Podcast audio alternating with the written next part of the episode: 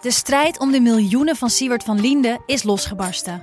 Zowel de staat als zijn stichting eisen de mondkapjeswinst terug. Maar dat die opbrengst in ieder geval niet thuis hoort bij Van Linde, daarover kan toch eigenlijk geen twijfel bestaan. Hoe kon het zo ver komen? Dit is het. We hebben beet. En als Siewert het geld teruggeeft, kunnen wij dit schandaal dan eindelijk loslaten? Je hoort het in de Mondkapjesmiljonairs, exclusief bij Podimo. Ga naar podimo.nl/slash mondkapjes. Deze podcast is 100% expertisevrij en alleen geschikt voor amusementsdoeleinden. De inhoud mag niet worden beschouwd als financieel advies. Dit is Beleggen, de podcast. Ik ben Milou. En ik ben Pim. In deze aflevering hebben we het over semiconductoren en de chipindustrie. Ja, iedereen heeft ermee te maken, maar de meeste mensen weten er heel weinig vanaf. Ja, omdat het zo ontzettend complex is misschien. Ja, we gaan uh, van zand uh, naar goud eigenlijk, hè? Het gaat op zo'n kleine schaal, gaat het allemaal op nanoschaal. Dat, een, een, nou ja, dat, dat maakt het allemaal nog extra moeilijk. Dus we gaan het hebben over uh, deze hele branche en het productieproces van chipdesigner tot machinemaker en alle bedrijven die daarin acteren. Ja, we gaan alle bedrijven langslopen. En daarom hebben we een expert aan tafel, Koen van Doren. En we gaan het nog hebben over chiptekort. Ja, dat is natuurlijk super actueel. Let's go. Je hebt mij gewaarschuwd van tevoren, Pim, dat het heel ingewikkeld gaat worden. Want als, Ja. als jij het ingewikkeld vindt, dan ja, het is mijn een hart eh, soort van eh, rabbit hole, denk ik, de semiconductor-industrie. Eh, zeker heel interessant, maar je kan er heel ver in doorgaan. Mm, Daarom hebben we een expert aan tafel, Koen van Doren. Als ik in jouw eh, de Jong Beleggen community kijk, er staat onder jouw profiel veel ASML, want ik werk daar. Ja. En daarom zit je ook hier. Waarschijnlijk, want je werkt al heel lang bij ASML, Ja, 24 jaar nu. 24 jaar. Ja, dus ik, eh, ik ben er op mijn achttiende begonnen. Ja. Dus eh, ja, dat is erg jong. eh. zeker nu ja, worden er heel veel mensen met, met masters en phd's aangenomen. Dus dan zou ik al bij- bijna automatisch buiten de boot vallen. Maar ook heel veel van, ja, van mijn vrienden en kennissen die komen uit de wereld. Niet alleen omdat, een, eh, omdat ik bij ASML werk al heel lang. Maar ook natuurlijk op ja, een groot gedeelte van, eh, van Eindhoven is high-tech. Ja, want eh, ASML dat zit, bij, dat zit in Veldhoven. Ja. Ehm, en jij woont op zeven minuten fietsen van je werk. Dan. Ja, Ja. Veldhoven en Eindhoven, dat is eigenlijk alleen eh, een snelwegverschil. Zeg maar. Een, eh, dat is eh, drie meter en het is Ja. het bordje einde Eindhoven, begin Veldhoven. Ja. Beetje Amsterdam, Amstelveen. eh. Ja. En het is een belangrijk onderwerp, want Nou, het is een belangrijk onderwerp voor de hele wereld, maar ook vooral voor Nederland. We hebben natuurlijk eh, eigenlijk drie grote bedrijven in Nederland. Een beetje vier natuurlijk met eh, NXP erbij, Bezi, ASMI en ASML. Dus het is, de, de chipindustrie is eh, groot, eh, goed vertegenwoordigd in Nederland. Ook natuurlijk op de, de AX. Ehm, en er zijn natuurlijk heel veel problemen nu in de wereld, vooral chiptekort. Ehm, en overal zit tegenwoordig een chip in. Overal zelfs chips. in een wasmachine zit een chip. In alles zit een, eh, zit een chip. Nou, er zijn natuurlijk ook heel veel grote beursgenoteerde bedrijven die, eh, die, eh, daar die de meeste wel kennen. Maar ja, wat is een chip nou echt? En dat is het mooie aan de community van Jong Beleggen. We hebben een hoop particuliere beleggers. Die allemaal een, extreem, een extreme expertise hebben. En ik ben heel blij dat jij er bent, Koen. Om eh, ons wat meer te vertellen over eh, de semiconductor-industrie. En eh, meer uit te leggen wat is nou een chip. En hoe werkt die hele keten, die industrie? Ja, wat zijn nou de verschillen tussen alle bedrijven? Ja, want om even duidelijk te zijn, je zit hier dus ook niet namens ASML, maar gewoon als, nou ja, voor ons de expert op het gebied van de semi- en chipindustrie. Semiconductor en chipindustrie. Wat, waarom heet het eigenlijk semiconductor? En, nou, dat is een, een halfgeleider is dat semiconductor, het is letterlijk vertaald. Mhm. Eh, dat komt doordat het materiaal, dat geleidt soms wel en soms niet, afhankelijk van of je de stroom opzet. En daardoor kun je schakelingen maken zonder bewegende delen. Kunnen we eens beginnen met, we gaan natuurlijk heel veel over chips, maar wat is nou een chip? Ja, dit, het is eigenlijk heel moeilijk om dat uit te leggen in een simpele taal. Het is dus een elektronische schakeling. Je kunt dat vergelijken met een, een, een, lichtknopje, alleen dan zonder de bewegende delen. Eh, nou, dat, vaak is dat bijvoorbeeld een transistor. Dat zit op een halfgeleidermateriaal, zoals eh, silicium. Eh, heel puur zand, dat heet silicium in de, in de chemie. En onder invloed van stroom kun je zo'n schakeling eh, ja, laten veranderen, zeg maar, aan of uitzetten. Ja, want wat, wat doet nou eigenlijk een chip? Want als, ik, ik, kijk, ik weet, er zit in mijn telefoon zit er een chip. In mijn, eh, mijn pinpas zit er een chip. Maar blijkbaar dus ook in wasmachines zitten chips en in veel meer apparaten een chip. Wat is nou eigenlijk de functie ook van een chip? Ehm, een chip heb je eigenlijk nodig voor de aansturing eh, van elektronica. Ehm, hij is niet nodig. Het is gewoon eigenlijk veel simpeler om dan om dat te doen met mechanica. Je kunt het veel kleiner maken. Eh, waarom je voor een wasmachine een chip nodig hebt, is omdat een, ja, je wasmachine heeft een wasprogramma. En in principe kun je dat wasprogramma ook met heel veel kleine losse schakelaartjes maken. Zoals je ook je licht met kleine schakelaartjes eh, aan en uit kunt zetten. Mhm. Eh, alleen worden dat zoveel schakelaartjes met de huidige functionaliteit die erin zit. Ja, met een voorwas en een eh, centrifuge en zoveel graden. Dat zouden allemaal aparte schakelaartjes Ja, nou, zijn. mijn wasmachine zit, eh, zit op internet en ik krijg op mijn eh, horloge een notificatie als de was klaar is. Ja, Ja. Da- ja de- uiteindelijk maken we het zo gek als, het, als je het kan verzinnen. Ja, Omdat het ook zo goedkoop wordt, doordat het een chip is. oké. Omdat je zoveel, enorm veel schakelingen kan maken. En je niet overal nog meer eh, koperdraad en, eh, eh, en ijzer voor nodig hebt. Kun je dus zeg maar miljoenen, miljarden schakelingen maken op iets ter grootte van eh, ja, 24 bij 36 mm. Ja. Ja, maar, we, maar we kunnen nu steeds meer met een chip door eigenlijk doordat we de wet van Moore, nou niet door de wet van Moore, maar dat, eh, dat houdt eigenlijk natuurlijk in dat je elke 18 maanden volgens mij een soort van verdubbeling krijgt van eh, de snelheid van een chip. Zeg ik dat goed? Eh, dus dat betekent ook dat we ook steeds meer kunnen eh, en daardoor ook appjes kunnen sturen naar je telefoon als je wasmachine klaar is. Ja, dus eh, Gordon Moore is de, de oprichter van, van Intel. Volgens mij nog voordat hij bij Intel, voordat hij dat begon, heeft hij een observatie gedaan. En zag hij dat eigenlijk nou, ieder jaar ongeveer de hoeveelheid schakelingen op zo'n chip verdubbelde. Er zijn, eh, uiteindelijk zijn er een aantal eh, heel veel modificaties geweest erop. En was het nou 18 maanden, was het nou 12 maanden, wat is het nou precies? Eh, maar het, feit is dat het een logaritmische schaal is. Dus dat er ieder, iedere zoveel tijd een verdubbeling komt. Het is niet echt een wet zoals we natuurwetten kennen, zoals zeg maar eh, zwaartekracht. Maar hij, deed die observatie en niet specifiek om, eh, eh, om dat heel accuraat te maken, maar gewoon om het iets duidelijk te maken. En uiteindelijk is dat gewoon enorm accuraat gebleken. En is het eigenlijk ook van observatie een beetje veranderd naar een doel voor de halfgeleiderindustrie om na te jagen. Een soort van target Ja, eigenlijk. ja. inderdaad. Ja. Dus toen ja, zijn bedrijven ook echt gaan zeggen van ja, we willen, eh, dan willen we weer kleiner en dan willen we weer kleiner, gebaseerd juist op die, ja, die wet van Moore. Ja. Maar, maar ik snap dat niet helemaal. Is er misschien iets van een voorbeeld? Want gaat het nou over één chip die in 18 maanden tijd verdubbelt in... Ja, dus bij het maken van een chip, eh, daar wordt een tekening eh, eh, gemaakt van de schakelingen die erop zitten. En eh, bij hele oude chips zijn dat misschien duizend verschillende schakelingen. Dat was toen heel veel. Maar bij een nieuwe generatie van de chip zijn dat misschien wel miljarden schakelingen. Dus als je kijkt naar de, ehm, ik weet niet of je dat nog kan herinneren, maar vroeger hadden we 80286 en de 80386 chips in de computers. Geen flauw idee. Nee, nou, er stond er zo'n Intel Inside sticker op ja, je. dat, dat weet ik wel. Ja, nou ja, dus iedere keer kwam daar een nieuwe generatie van. Eh, en uiteindelijk ging het naar de Pentium processor en eh, de Pentium 2 en, Pentium enzovoort. 4. Ja, en dat ging dan iedere keer, eh werd de hoeveelheid schakelingen werd groter. En de hoeveelheid schakelingen, ja, dat zorgt eigenlijk voor de hoeveelheid de functionaliteit bij de Intel chips. Oké. Dus eigenlijk is de chip eh, niet groter geworden. Dus qua gewoon fysieke grootte. Maar eh, hij is gewoon sneller en eh, efficiënter geworden. Ja, hij wordt, eh, hij wordt kleiner. Ja. En doordat die kleiner wordt, passen er dus meer schakelingen op. En dan worden de afstanden kleiner, wordt de weerstand kleiner. Wordt hij dus ook energiezuiniger. En, eh, maar de, de, de maximale grootte van de chip die staat vast. En waarom heet, want dit, het onder- onderwerp van deze aflevering is de semiconductor en chipindustrie. Is er een verschil tussen semiconductor en chips? Of hoe moet ik dat zien? Ja, dus alle chips zijn eh, halfgeleiders.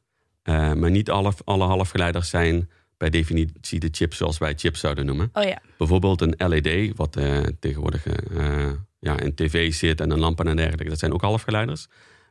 Maar ook heel veel lasers zijn gebaseerd op halfgeleiders. En er zit allemaal dat, dat gekke zand in.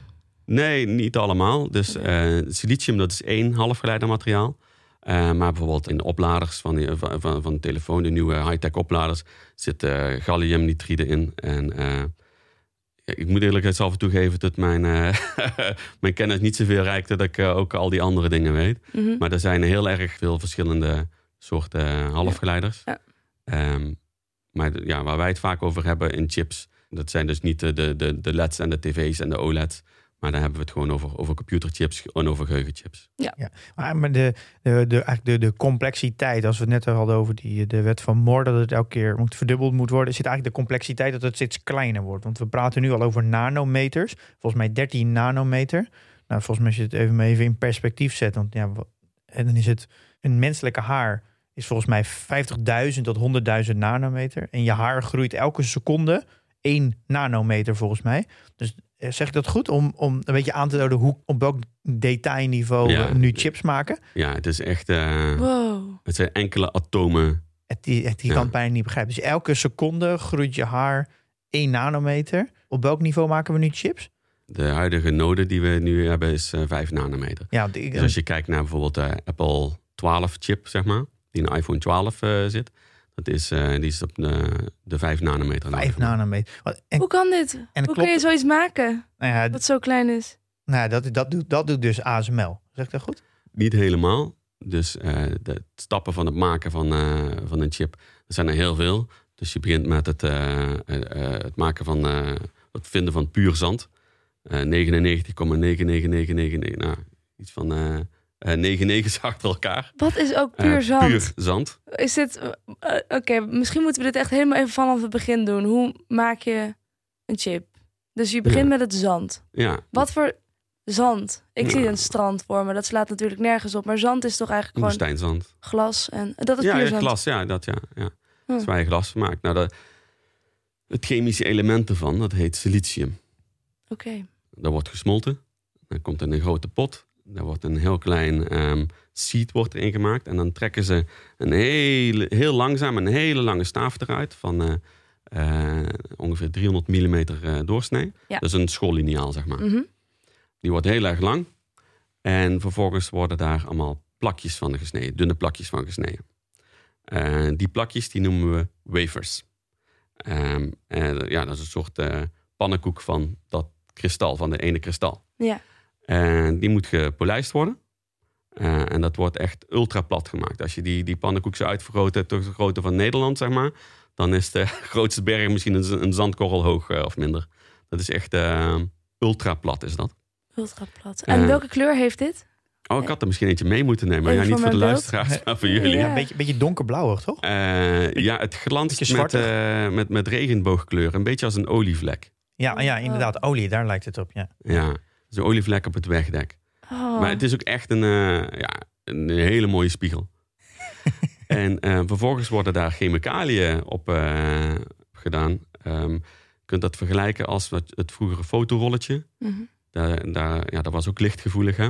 Dat kwam omdat daar ook een chemi chemicaliën op zaten. Ja. Dat, dat noemen we fotoresist. Lichtresistent is dat dan. Ehm, dan hebben we positieve en negatieve resist. Dus de, de ene is dan juist gevoelig voor, eh, voor licht en de andere is dan weer ongevoelig voor licht. Omdat Mhm. dat we in de volgende fase willen we dat dan eh, weer eraf willen we dat gaan belichten. Dus dan heb je een, een tekening, een soort ja, een dia die in de dia-projector gaat. Dat is de chiptekening. Die belichten we en daar schijnt licht doorheen op die wafer die we net gemaakt hebben. En op die wafer zit dus dat fotoresistente materiaal. Dat is dan belegd, dan wordt dan ontwikkeld. Hetzelfde als je met een foto zou ontwikkelen. En eh, dan ets je hetgene weg wat je niet nodig hebt. En dan ga je het volgende laagje eh, ga je doen. Ah ja, en etsen, dat ken ik wel van mijn, eh, van mijn handvaardigheid eh, op Ja. school. Dat is iets er- ergens in ja. graveren. Want eigenlijk, een chip Ja. heeft gewoon heel veel verschillende lagen. Hè? Het is gewoon een soort van toren aan allemaal laagjes. Ja, dus het etsen is inderdaad door chemisch ga je met een zuur ga je dan eh, de, de, de belichte of juist de onbelichte laag weghalen. Mhm. En ehm, ja, dan blijft er een tekening over. Ja. Maar dat is redelijk tweedimensionaal. Dat is, dat is heel erg dun. En inderdaad, door wat, wat Pim zegt, door, die, ehm, door meerdere lagen te bouwen, krijg je zo'n mooie driedimensionaal. Het ziet er een beetje uit als, als een doolhof. Ja. Maar dat is de, dat is de chiptekening. En daar gaan dan de, de, de elektronen, dus het, het, het stroom gaat daar doorheen. En door de schakelingen die er dan eh, aan of uit staan, volgt die een bepaald pad. En komt die Ah. uiteindelijk aan het einde van de chip. Ja, misschien kun je dat voor de geest halen. Een chip heeft altijd van die pootjes aan de buitenkant, zeg maar. De- de- Dus dat is een, een, een- keramische verpakking met aan de buitenkant van die stalen eh, staafjes eraan. En daardoor, ja, daardoor komt hij uit uh, staafje 1 of uit staafje 20. En dat bepaalt weer ehm, voor de software van wat die chip als uitkomst heeft. Maar een chip heeft een, een, een, aantal pootjes, maar niet heel erg ontzettend veel. Hoe kan. Ja. Dus de keuze, de, de hoeveelheid opties die eruit kunnen komen, dat is beperkt tot het aantal pootjes dat hij dan heeft? Ja, maar bedenk wel even het. Um, met uh, vier pootjes kun je twee tot de vierde hoeveelheid keuzes eruit laten komen. Maar met 30 pootjes, 32 pootjes, 2 tot de 32ste. Ah.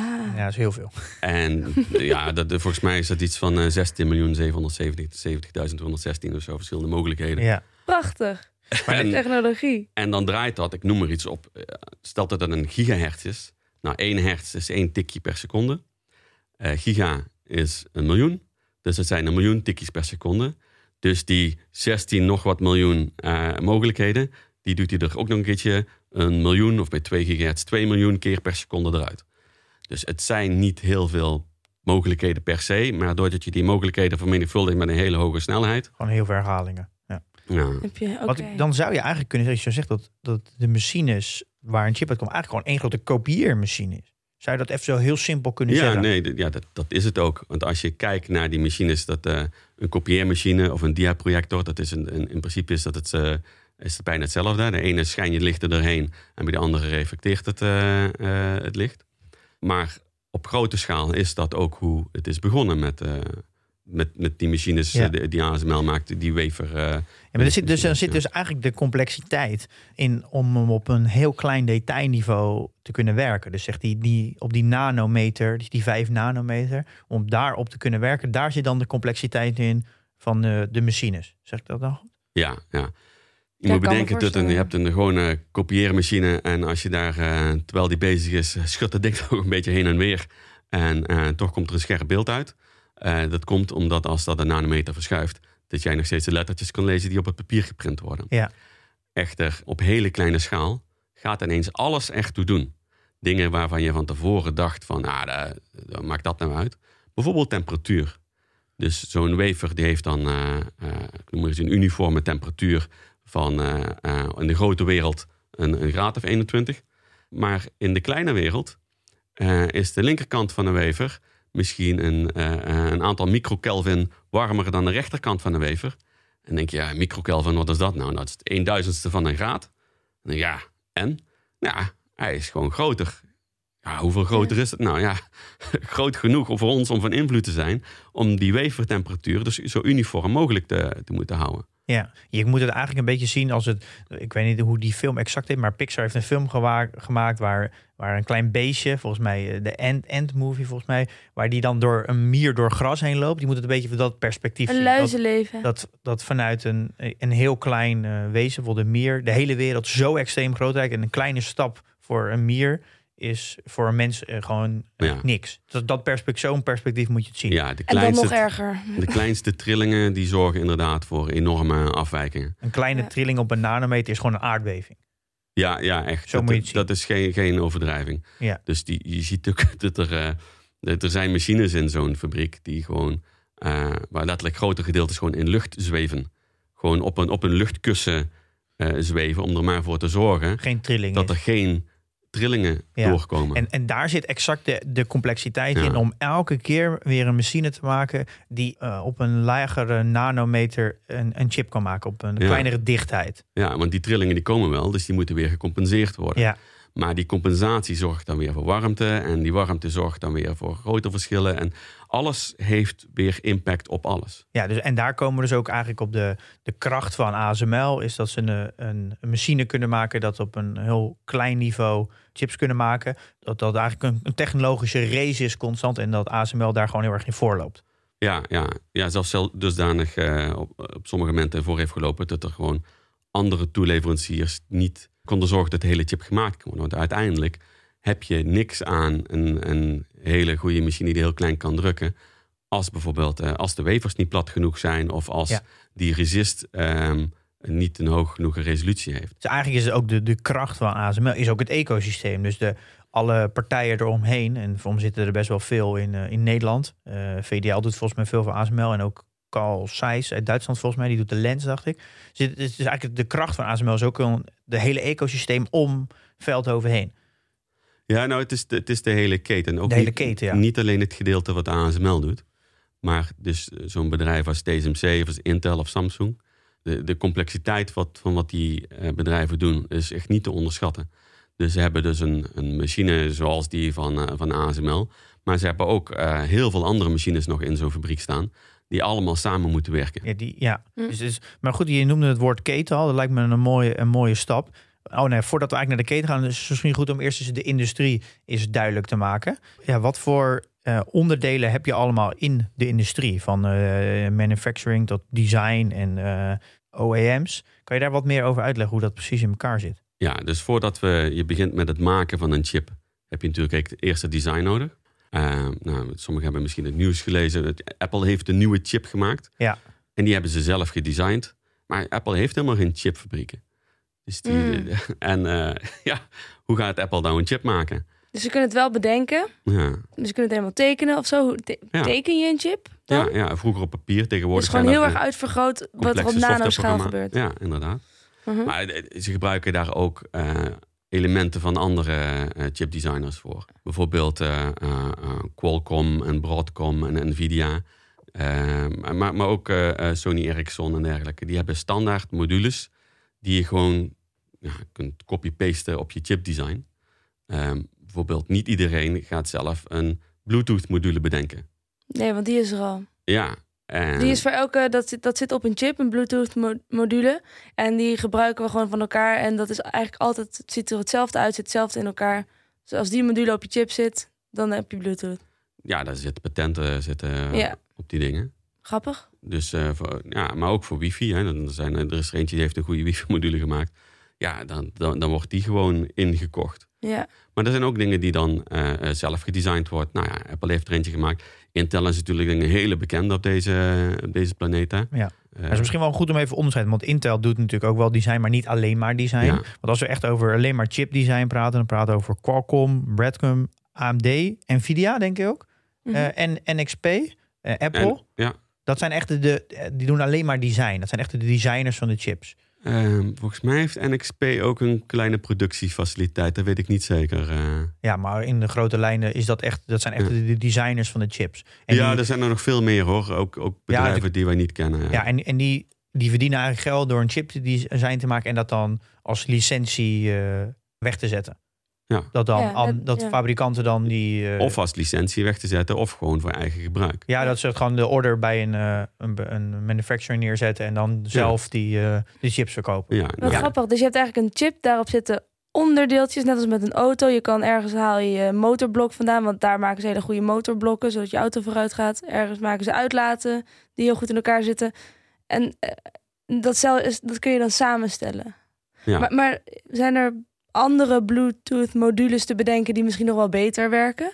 Nou ja, Bluetooth, dat is een eh, apart geval, want daar zitten natuurlijk patenten op. Oké, maar dan, dan Eh, wifi of... Ja, maar precies. Maar, maar ja, er zijn natuurlijk ook waar, eh, waar geen patenten op zitten. En dan zie je dus ook, de, ja, daar kunt er minder voor vragen qua IP, uit, qua Ja. patentrecht. En je kan er ook zelf En een je kunt er bedenken. zelf ook eentje bedenken, ja. Grappig. We hebben dan het design en na design komt denk ik de, de manufacturing. Aan wat voor partijen moeten we dan denken? Ehm, ja, dus zo, zo, als ik dan even Apple als voorbeeld neem. Die gaat dan naar een eh, bedrijf toe die chips maakt voor anderen. Dat noemen we een foundry. Ja. Ehm, eh, een foundry eh, wil eigenlijk zeggen van ik heb capaciteit, maar ik heb geen designs. Zeg maar wat ik moet doen en ik maak het wel. Nou, Infineon, Global, Global Foundries, ehm, ST, Microelectronics. Maar je zoekt waarschijnlijk naar de, naar de grote, zoals bijvoorbeeld TSMC, hele bekende. De, de, de- uit Taiwan. Ja, Taiwan Semiconductor Manufacturing Company. Dat is eh, op dit moment verreweg de grootste foundry ter wereld. En hoe, hoe- wat is groot? Even uit mijn hoofd, ik denk dat ze iets van 50% van de mondiale foundry capaciteit hebben. Ja. Dat is echt dat is groot. Dit, is, dit is gigantisch, ja. Ja. Ja, maar Ja. daar zit dus geen creativiteit in. Zij voeren alleen andermans ideeën uit. Qua het maken van Zij chips. maken geen chips, nee. Ja. Maar ze zijn, Verder zullen er ongetwijfeld hele inspirerende ja, dit- werken. ja, Maar dit, dit- je kan het eigenlijk veel plat zetten. Het is een fabriek om chips te maken eigenlijk. En zij Ja. zijn eigenlijk... eh, de- heel veel mensen kennen ze ook niet, omdat ze namelijk aan, niet aan de voorkant zitten. ja. Apple die zet de order bij bijvoorbeeld TMMC en die gaat dan de chip bouwen. En maar Apple die is eigenlijk degene die het gezicht is van de chip. Dus heel veel mensen denken, Apple heeft de, de chip gemaakt. Ja, het Dus is eigenlijk vrij uitzonderlijk dat mensen Intel kennen. Maar daar komt natuurlijk dat ze in de jaren 80 de Intel Insight bij iedere door IBM hebben sticker. geplakt. Ja. Ja. Eh, de- ja, geniale marketingstap toen de tijd.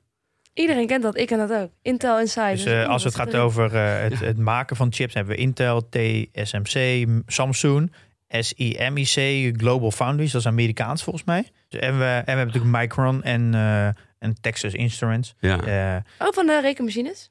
Ja ja, klopt. Ja. daar is eigenlijk, eh, dat is eh, een van de, een beetje de wieg van, van de semiconductor. Hè? Want daar is, eh, Oh, echt? ja, Texas Instruments, dat dat zijn een van de eerste producenten van, ja, van, van chips. Wow. En, en eh, eigenlijk daarna de, dan hebben we ook nog de, de manufacturing suppliers. Ja, die... ja, ja. Wacht even, want waar zit ASML dan? Nou, eh, rustig aan. Komen we. Want ja, de, de TSMC's, die 50% van de markt, die maken de chips, maar niet de machines. Dus die leveren, zijn niet, ze hebben ook suppliers. Wie, is- eh, hoe werkt dat? Hoe, wie zijn dat? Nou, bijvoorbeeld eh, eh, Tokyo Electron, eh ASMI, BZ, ASML. Eh, maar ook bijvoorbeeld bedrijven die, die chemicaliën aanleveren. hè. Nou, die, dus die resist die ik net zei, die dan, en, en, en, en die zuren die we aangeleverd moeten worden. Nou, het zijn bedrijven zoals bijvoorbeeld Dow Corning. Veel mensen zullen dat ook niet kennen, dat bedrijf Dow Corning. Maar die maken bijvoorbeeld ook Gorilla Glass. Dus het eh, Ah, glas voor, je eh, telefoon. Voor, ja, voor, eh, Apple. Ja. ja niet Mm. alleen voor Apple, maar voor heel veel telefoons. Ja. Want nu noem je even de, de Nederlandse bedrijven. Ik, je hebt ze alle drie genoemd. Dat is natuurlijk wel even interessant om te benoemen. Dat, Nederland staat vooral bekend ook om de chippers. Maar eigenlijk zijn het natuurlijk niet echt chippers. Het zijn natuurlijk eigenlijk de, de suppliers van de chipindustrie. Mhm. Eh, Maar suppliers, lever je dan het materiaal of lever je de dingen om het te maken? De machines. de machines. Dus Ja, wij maken de- niet zo... de- Dus bijvoorbeeld, ehm, er wordt ook materiaal geleverd. Dus Ja. die, bijvoorbeeld die, die eh, grote siliciumstaaf waar ik het over had, die ingot. Die wordt vaak gewoon ingekocht eh, Mm. Ja. in, in grote getalen. Ja, oké. Dus dan kun je als bedrijf die dingen leveren en dan ben je een chip manufacturing supplier. Ja, maar- het gaat echt heel ver hoor. De, bijvoorbeeld eh, die wafers, die worden dan weer vervoerd in een speciaal doosje. Dat heet dan een foep.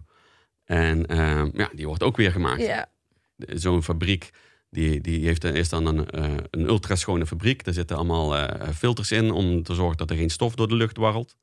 Ja, daar is ook weer een leverancier van. Dus Ja. je bent- het is echt een hele, hele grote, complexe keten. Een team effort. Met allemaal gigantische specificaties op alles wat, er, wat je maar kunt bedenken. Ja. Ja, dat, is natuurlijk, dat merk ik ook naar de voorbereiding van deze aflevering. Dat het, die keten is zo insane groot. Er zijn zoveel be- bedrijven die, die bijdragen aan om een, om een chip te kunnen maken. Dat is echt eh, het is een soort van een hele grote legpuzzel waar de hele wereld aan meewerkt. Ja, alle partijen die onderdeel zijn van, van het maken van een chip, die komen over, over de hele wereld vandaan. Het is echt een, eh, een, een, ja, een, een wereldonderneming eigenlijk om een Ja. chip te kunnen maken. En die moeten ook allemaal samenwerken. Dus er is ook een internationale standaard.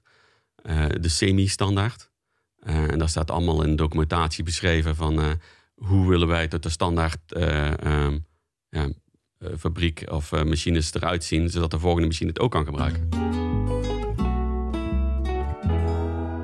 Als, we dus de, de, de hele keten bekijken, van machines tot grondstoffen, software, design, eh, productie. eh, en jij bent ook belegger. Waar, waar zit voor jou dan de, de, de grootste waarde in die keten? Ja, je moet dan kijken van wie. Dus er zit de waarde zit in heel de keten. En uiteindelijk is het de consument die ergens voor gaat betalen. Hoeveel waarde kun je, of hoeveel geld kun je uit die consument krijgen? En wie in de keten kan dan het meeste naar zich toe trekken? Ja, Nou, je kunt je voorstellen dat als er een hevige concurrentie is, dat jij minder eh, eh, van, die, van die taart krijgt dan als er eh, minder concurrentie is. En als jij de beste bent op een gebied, dan kun je daar gewoon heel erg veel marktaandeel van krijgen. Omdat heel veel gaat gewoon puur op centen. Ik, ik weet niet, maar als jij vraagt welke chip in jouw wasmachine zit. Eh, Geen of, idee. of wat high-tech. Ja, je hebt toch een Tesla gehad, of niet? ja? Welke chip zat er daarin? Ja, ik heb geen idee. Nee. En, Maar ik weet in alle apparaten die ik heb geen enkel idee wat voor Nee, en, en hoeveel, welk merk geheugen zit er in je telefoon of in je laptop? Geen idee. Je hebt geen idee. Dus hoe dat gaat is dat Samsung en Kingston en, en SanDisk, die maken allemaal verschillende types geheugens. En eh de, de ene is eh, per duizend chips een halve cent goedkoper. Ja, wat is voor mij nou een reden om nou een Samsung te kopen of een Kingston? Ja, nou de ene is een halve cent goedkoper. Hm. Dus op het moment als jij iets goedkoper kan zorgen voor de producent, dan krijg je al snel veel marktaandeel. Ja, dus dat is het hem eigenlijk. En om iets goedkoper aan te kunnen bieden, moet je schaalgroot hebben. Ja, En dat is ook de reden waarom eh TSMC waarschijnlijk de goedkoopste is, daardoor ook de grootste. dat. En eh, je moet ook niet eh, vergissen dat eh, er zit ook een enorm leereffect in, in deze wereld. Hè? Dus ehm, het is niet zozeer dat je een afbakbroodje bij de Albert Heijn koopt van oh, we hebben het recept al, we maken het. Het- je moet het meer vergelijken met een drie sterren keuken. Waar je echt jarenlange ervaring nodig hebt om daar iets goeds uit te maken.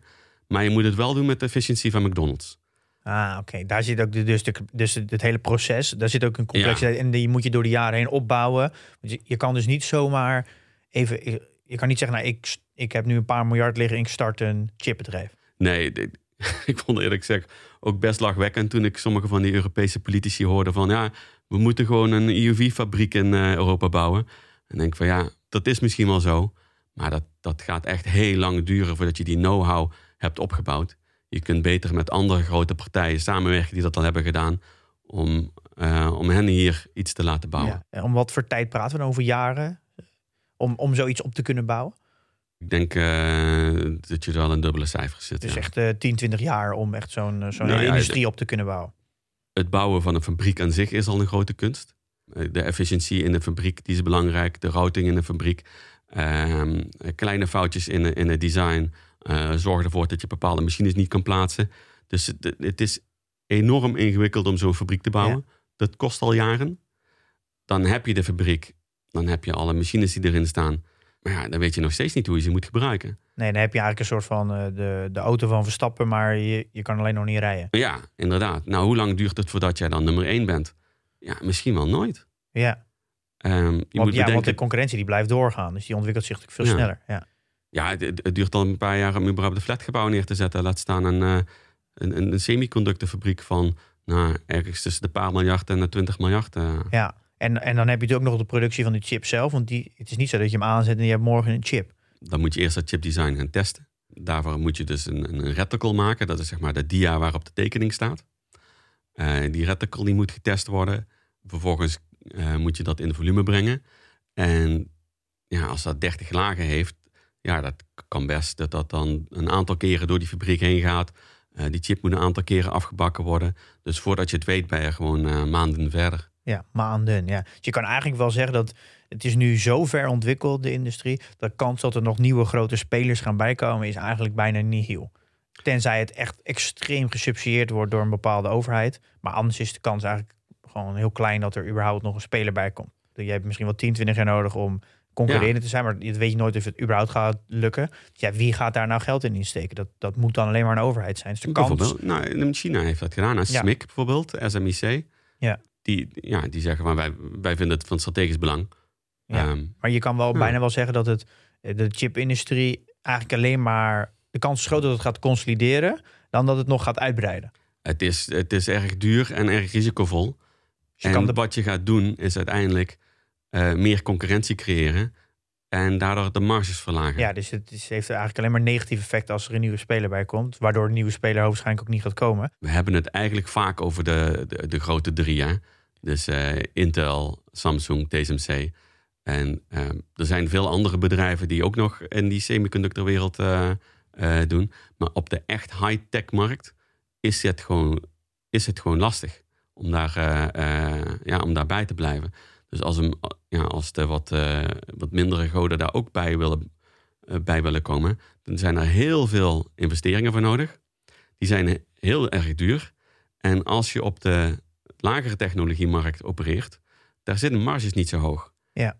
En dan is het heel erg moeilijk om gigantische investeringen te doen eh, om in die hoge technologiemarkt te komen. En ja, nogmaals, waar- waarom doe je dat? Om daar ook de marges naar beneden te krijgen. Ja, Dus voor de consument is het wel prettig als die marges naar beneden kunnen. Maar voor degene die geld investeert, die zegt van ja, ik heb liever een, een, een- een markt met een flinke motor waar, eh, ja, ja, ja. waar ik hoge marges blijf houden. En, en zijn er dan ook nog verschillende soorten chips? Of is alles hetzelfde? Want die van mij ziet er bijvoorbeeld heel anders uit met pinpas dan... eh, Tenminste, dat denk ik, want die in mijn telefoon kan ik niet zien. Maar zo'n pinpas is echt zo'n gouden plaatje. Zijn er verschillende soorten? Ja, ja, er zijn heel veel verschillende soorten, eh, soorten chips. Dus als je kijkt naar de, naar de halfgeleiderwereld, dan hebben we het vaak over eh, de IC's als we het over, over chips hebben. Maar je hebt ook nog uh, optoelectronics, zoals dus, LED's en dergelijke. Mm. daar hadden we en, en lasers. En daaronder zit dan, onder die IC's, de geïntegreerde circuits, hebben we dan memory. en we hebben logic. Maar we hebben bijvoorbeeld nog analoge chips. En we hebben ook nog microcomponenten. En analoge chips, dat zijn bijvoorbeeld signaalversterkers. Hè? Ja. Dus uh, wat er in, in omvormers zit. Als je, ik weet niet of u wel eens een apparaat uit Amerika hebt gehaald, maar die moet dan hier van 110 naar 220 gaan. Maar ook bijvoorbeeld voor 110 watt naar 110 volt, sorry. Ja. Maar ook van je, van je, van je laptop, daar zit, zo, zit ook zo'n grote stekker aan. Dat is een omvormer en daar zitten ook gewoon chips in. Ah, oké. Um, ja, en geheugenchips, dus die onthouden dingen voor je. Ja. En wat is dan een logic chip? Een logic chip die berekenen dingen voor je. Dus die in de simpelste vorm, nou we hadden het net over Texas Instruments, hè, dan, eh, dus een rekenmachine. Uh, in de simpelste vorm kan die alleen optellen en aftrekken. Uh, maar met, die, met dat optellen en aftrekken, um, als je dat een aantal keren doet, dan heb je vermenigvuldigen. En als je een aantal keren dat vermenigvuldigt, dan heb je machtsverheffen. En zo kun je steeds complexere functionaliteit op een chip toevoegen. Ja. En um, iedere keer als er een nieuwe functionaliteit op zo'n chip komt, dan is dat logic. Als je kijkt naar uh, memory, dan zeg je eigenlijk, nou, eigenlijk wat ik wil is wat erin komt, dat dat er ook uitgaat. Er zit wel een klein stukje logic in om dat aan te kunnen sturen. Ja. maar in principe zeg je van, goh, uh, ik doe er een getalletje in, de 8. En ik verwacht dat er weer een getalletje uitkomt, de 8. Ja. Of ik duw er een foto op en ik verwacht er weer dezelfde foto uit. Ja. Niet ineens een andere. Precies. Uh, om het even iets actueler te maken. We hebben natuurlijk een, een groot chiptekort nu. En vooral in de auto-industrie. Heeft dat te maken ook met de tekorten die we hebben met het type chip? Ja, dus wat je ziet in de, in, in de auto-industrie. Een auto die heeft uh, ja, ergens uh, 1000 en de 3000 chips uh, in zich zitten. En, en dan heb ik het nog niet eens over de meest complexe auto's, maar gewoon de, de, de standaard uh, Toyota's en Fords die van de band uh, rollen. En dat is een heel conservatieve industrie. En dat is misschien ook maar wel goed, want ja, als, kijk, als jouw telefoon halverwege een gesprek gaat herstarten, moet je iemand opnieuw bellen. Oeh, dat was erg. Uh, maar als je uh, de zelfrijdende auto of een lane als die per ongeluk iets verkeerd doet, of uh, als je navigatie het niet doet, het, ja, dat is allemaal veel vervelender. En dat kan zelfs gewoon zorgen voor, ja, voor ongelukken. Als je ja, midden in het niks ineens je airbag afgaat tijdens het rijden. Dat is natuurlijk niet, niet fijn. Nee, bedankt. Ja. Dus ja, je ziet vaak dat dat soort bedrijven iets hebben wat werkt. En dat graag willen houden. Want ze hebben heel veel tijd en moeite gestoken om, uh, om dat te testen en te kwalificeren. En zeker weten dat er niks misgaat. Hoe kun je zeker weten dat er mis, niks misgaat? Nou, zorg dat er heel erg weinig functionaliteit op zit. En dat zijn gewoon vaak wat oudere chips. Op het moment als er één van die chips in die auto niet beschikbaar is, heb je geen auto. Dus er, zijn, er zitten duizend, 2000 chips in een auto en eentje ervan is er niet en de hele auto kan niet geleverd worden. Dus 99% af is, Ja. heb je niks aan. Ja, dus dan zie je dat er zo'n chip, vaak toch een wat ouder type chip, dan even niet beschikbaar is. Dan zeg je, ja, waarom bouwen we dan niet een nieuwe, nieuwe fabriek bij? eh? Ja, waarom doen we dat niet? Nou, in de nieuwe fabriek worden vaak nieuwe chips gemaakt. Dus je zou dan eigenlijk al een ouder type fabriek bij moeten bouwen. Ah, om een oude chip te bouwen. Dus er zit een low-tech chip in een auto, maar daar zitten dus lage marges op. Dus het is niet interessant om daar Nee. nieuwe fabrieken voor te maken. Dus zo ontstaan er eigenlijk tekorten en die worden ook niet snel opgelost. Nee, want ja, wie wil er nou investeren in een markt waar eigenlijk weinig groei in zit? Ja. Waar de marges heel erg laag zijn, maar waar je wel een hele grote investering voor nodig hebt initieel. Klinkt niet uh, Dat aantrekkelijk. klinkt niet aantrekkelijk. Dan zeg je van ja, waarom gebruikt die auto de fabrikant dan niet een high-tech chip? Dat is dus vanwege dat kwalificatie en Ja. dat testen, dat is nog niet zo makkelijk. Maar nu is er ook nog iets anders gaande.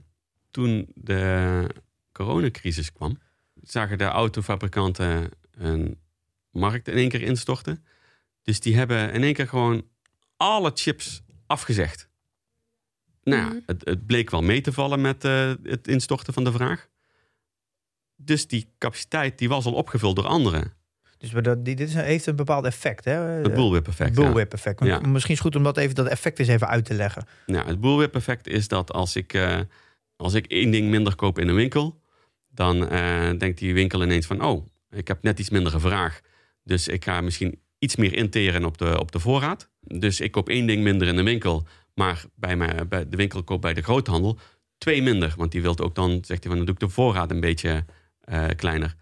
Die groothandel, die ziet datzelfde effect. Die zegt, hé, hey, ik heb er twee minder. Laat mij mijn voorraad ook een beetje verminderen. En bij mijn leverancier er vier minder bestellen. Ja. En zo zie je dat hoe verder je in die keten komt, hoe, eh, hoe sterker de vraag daalt. Het is een zweepslageffect. Ja. In het begin is het heel klein, maar op het einde is het heel groot.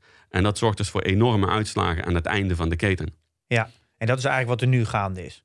Dat is waarom de, de, de veel markten Ja. eh, die op het einde van de keten opereren erg cyclisch zijn. Ja. Ja, maar daardoor kan je ook wel weer zeggen dat, dat het ook wel weer herstelt. Op een gegeven moment is die vraag wel weer, eh, kunnen ze aan die Ja, vraag en voldoen. Het, het is nog erger. Ehm, dan krijg je het tegenovergestelde. Dan Ja. wordt er eentje meer besteld in de winkel. Dan zegt de winkel, oh, ik heb eigenlijk wel weinig eh, voorraad. Ja, Dus die pakt een extra voorraad. Ja. En dan ziet die groothandel weer van, hé, hey, de vraag vergroot heel snel. En dan krijg je de boel weer op de andere kant op. Wat betekent het nou voor beleggers? ja dat, is, dat is wel Omar? een interessante vraag. Want denk jij dat er, eh, dat, want we zitten denk ik nu op een hoogconjunctuur van de cyclus, denk ik. Al tien jaar. Ja, maar zie je dit ook weer, eh, weer naar beneden gaan, deze, de hele chip-industrie? In die cyclus? Is het een cyclus dan? Of is er nog wel een cyclus? Nou, ik denk dat die cyclus altijd wel zal blijven bestaan in alle markten die op het einde van de supply chain eh, acteren. Maar- Vanwege dit bullwhip effect. Ja. Ehm, we hebben nu geweldige jaren gehad de afgelopen tien jaar. Eh, dus het, is, ja, het was erg makkelijk beleggen, zeg maar. eh, alles ging omhoog. Ehm, en ja, en door die grote tekorten en de grote vragen aan alle kanten... heeft het even geleken alsof er geen cycliciteit meer is. Ja, Ehm, ik, ik denk wel dat die nog terugkomt, ja. Dat is wel interessant. Want zijn er dus in die hele keten die we allemaal- allemaal besproken hebben... zi- zijn er punten, zijn er bedrijven in die keten die als eerste dat, dat effect gaan merken... dat we weer in die cyclus naar beneden gaan? Ja, dat zijn de, de, de toeleveranciers van de, van de chipfabrikanten. Ja, Ja, dus dat, dat, zit dan, dat zijn de Nederlanders dan. ASML. Dat ze ja ASML, maar ook Bezi- en Cor bijvoorbeeld. En Ja. Bezi en eh Ja, Bezi ASMI. is een van de eerste waar je het dan gaat herkennen. Nee, ik heb me niet enorm verdiept in, eh in Bezi. Maar ik weet dat bijvoorbeeld eh, de ASML-machines duren erg lang om te maken. Mensen die bestellen die van eh, ver van tevoren. Ze willen zeker zijn van een spot op de wachtlijst. Maar ze willen ook niet een machine hebben die een half jaar niks staat te doen. Ja. Want dan schrijven ze enorm op af. Ja, Dus ik zelf, ja, misschien is het ook omdat ik er werk, hoor, maar ik kijk vaak eh, naar de kwartaalrapportage toch wel naar het orderboek van ASML. Ja. ja. Denk je dat je in een bubbel zit bij ASML zelf? Jouw hele wereld is ASML. Jij werkt daar, je vrouw werkt daar geloof ik ook. Ja, mijn vriendin. Je vrienden, je, vriend, je vriendin. Ehm, hoe kijk je daar als belegger naar? Nee, ASML is nooit een, eh, een, een goedkoop bedrijf geweest. Ehm, en iedere keer als ik het dan weer zie dat ik personeelsopties kan kopen, denk ik van, och, het is wel heel erg duur. en als ik rationele besluiten had genomen, nou, dan, had- ja, had ik nooit ASML gekocht natuurlijk. Maar ja, eh, eh, als je naar die koers-winstverhoudingen en dergelijke kijkt en ja, die groeiverwachtingen die ze dan iedere keer weer overtreffen, op een of andere manier eh, ja, doen ze het toch iedere keer hartstikke Ja. goed. En dus ik, ik doe gewoon iedere keer mee met, eh, met, met de personeels eh, aandelenprogramma. Het is misschien wel je beste belegging ooit, denk ik. ASML. ja. Want je deelt je portefeuille ook in de community. Nou, daar ASML is, is nummer één positie. Ja. Ja. maar ja, dat eh, heeft je geen eh, windeieren gelegd. Dus eh, Nee, heb je goed, nee. goed gedaan. ja.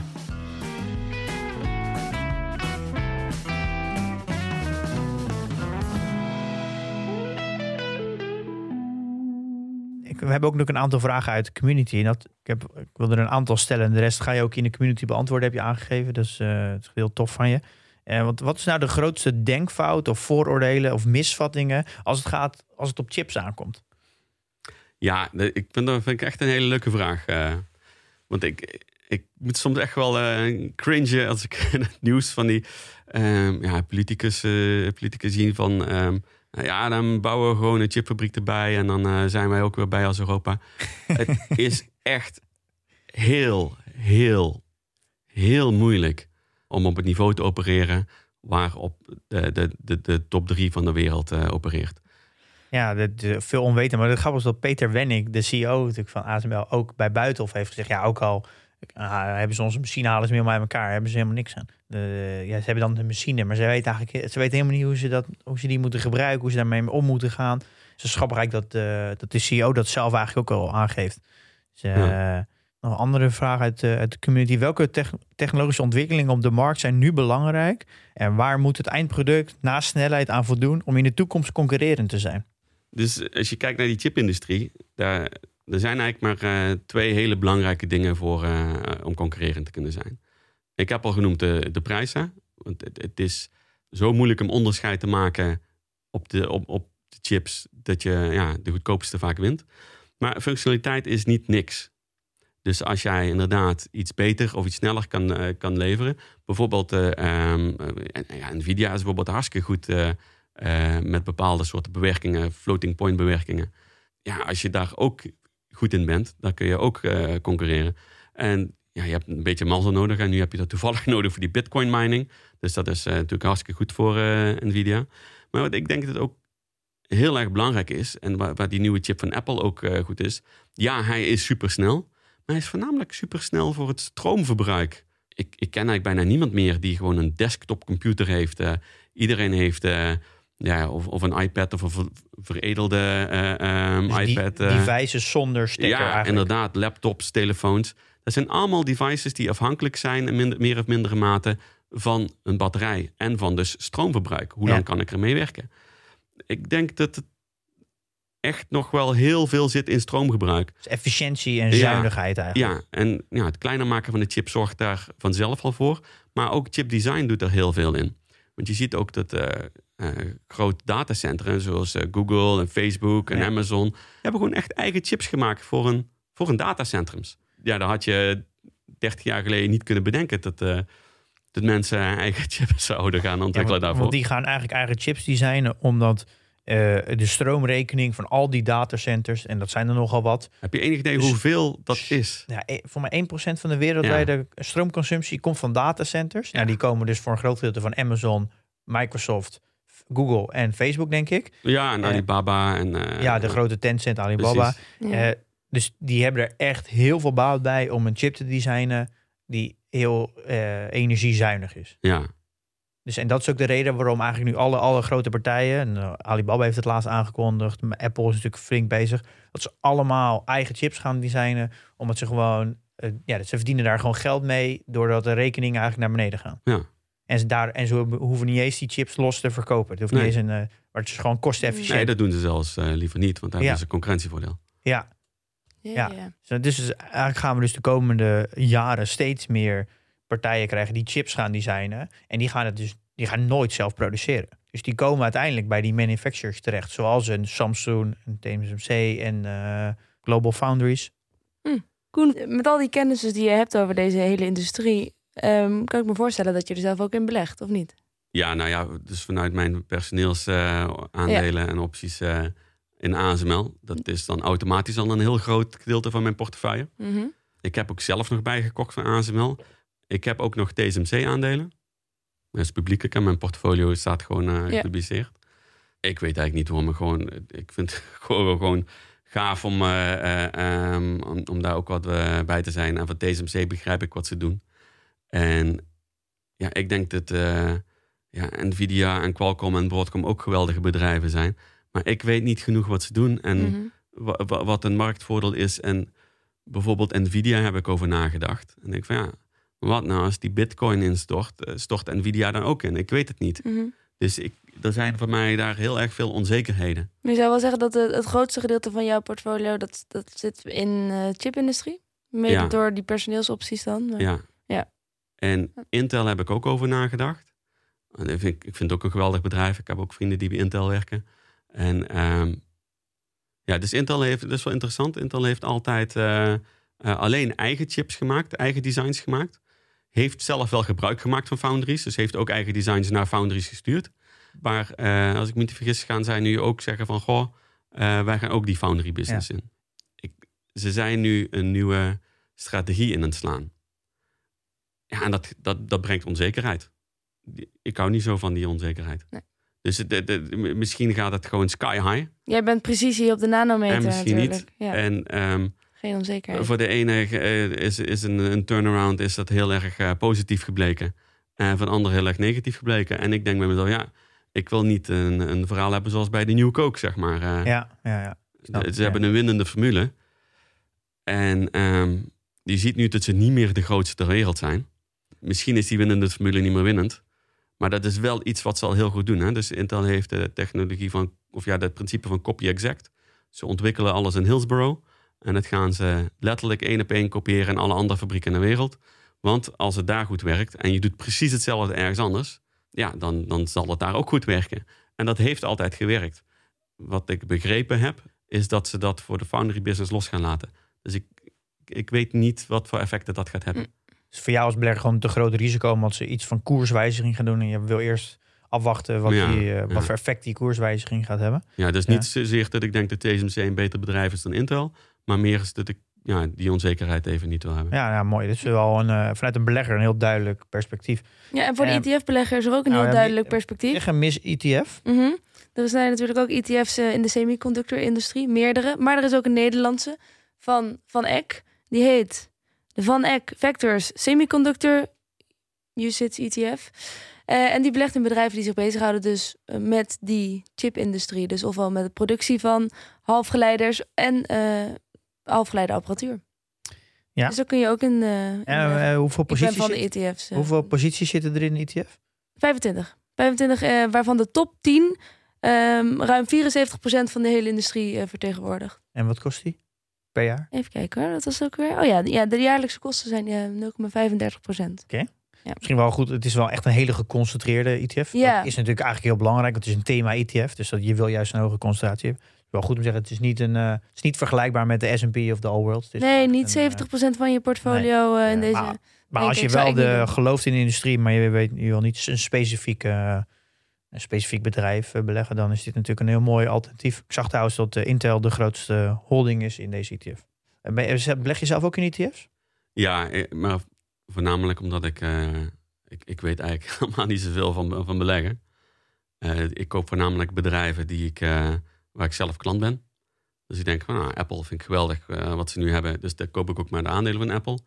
Eh, en zo heb ik nog een aantal bedrijven die ik... eh, maar een heel groot gedeelte van mijn portefeuille is eh, ehm, de S&P 500.